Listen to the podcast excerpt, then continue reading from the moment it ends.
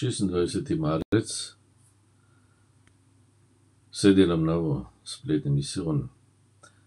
Danes v prvem berilu beremo preroka Jeremija, ki doživlja težo nasprotovanja množice, potem ko jim je napovedal božjo kazen.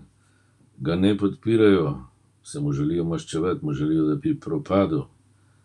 On se bori, da si ne bi z lastnimi močmi reševal situacije in samega sebe, zaupa Bogu. V tem je velika zmaga, da zaupa svoje maščevanje Bogu. Vendar ima še to šibkost človeško, kot jo imamo mi, da hoče videti, kako se bo Bog maščeval sovražnikom njegovim. Jezus pa pokaže nekaj popolnoma drugega v evangeliju.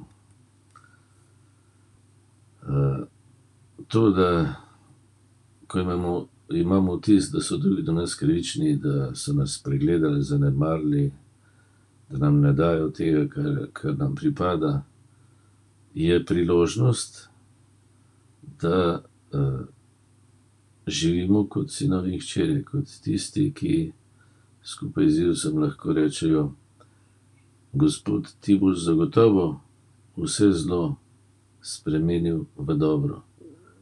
Ti to nenehoma delaš za vsakega človeka. Vsaka naša svobodna volja se nenehno igra Boga in dela škodo sebi in bližnjim.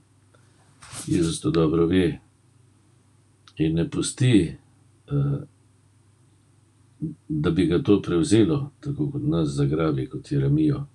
On dobro ve, da zlo ne more zmagati, zato ko ga križajo, nad morilci moli: "Oče, odpusti jim, saj ne vedo, kaj delajo." Saj je ljubezen že zmagala. Ljubezen je premagala zlo. Zato Jezus lahko svoje trpljenje uporabi, da pokaže očetovo ljubezen, ki je premagala smrt in bolečino, tudi mojo in tvojo. In v to sva povabljena v tem postnem času.